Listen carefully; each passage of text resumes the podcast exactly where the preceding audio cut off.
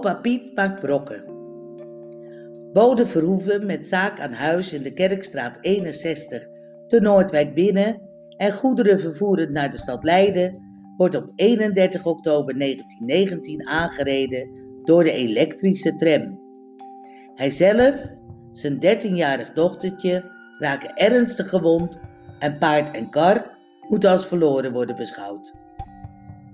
In het Leids Dagblad staat van 1 november 1919, gisteravond werd op de Rijnsburgerweg de wagen van de Noordwijkse bode Verhoeven door de elektrische tram aangereden.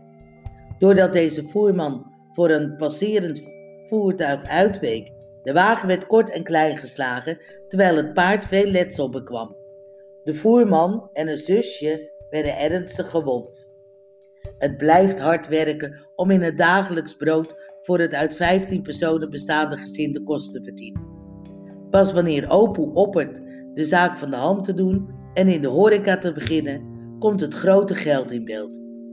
De brik en de trekhond gaan in de verkoop en de huur van de stal wordt opgezegd.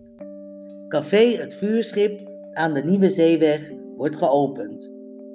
Oudste zoon Jan heeft inmiddels ook een bodembedrijf gestart en wordt bij de vracht een handje geholpen door zijn jongste broer Cor.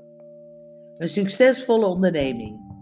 Zo succesvol dat opa kan rentenieren en er met zijn motor scheurend over de nieuwe zeeweg op uit kan trekken.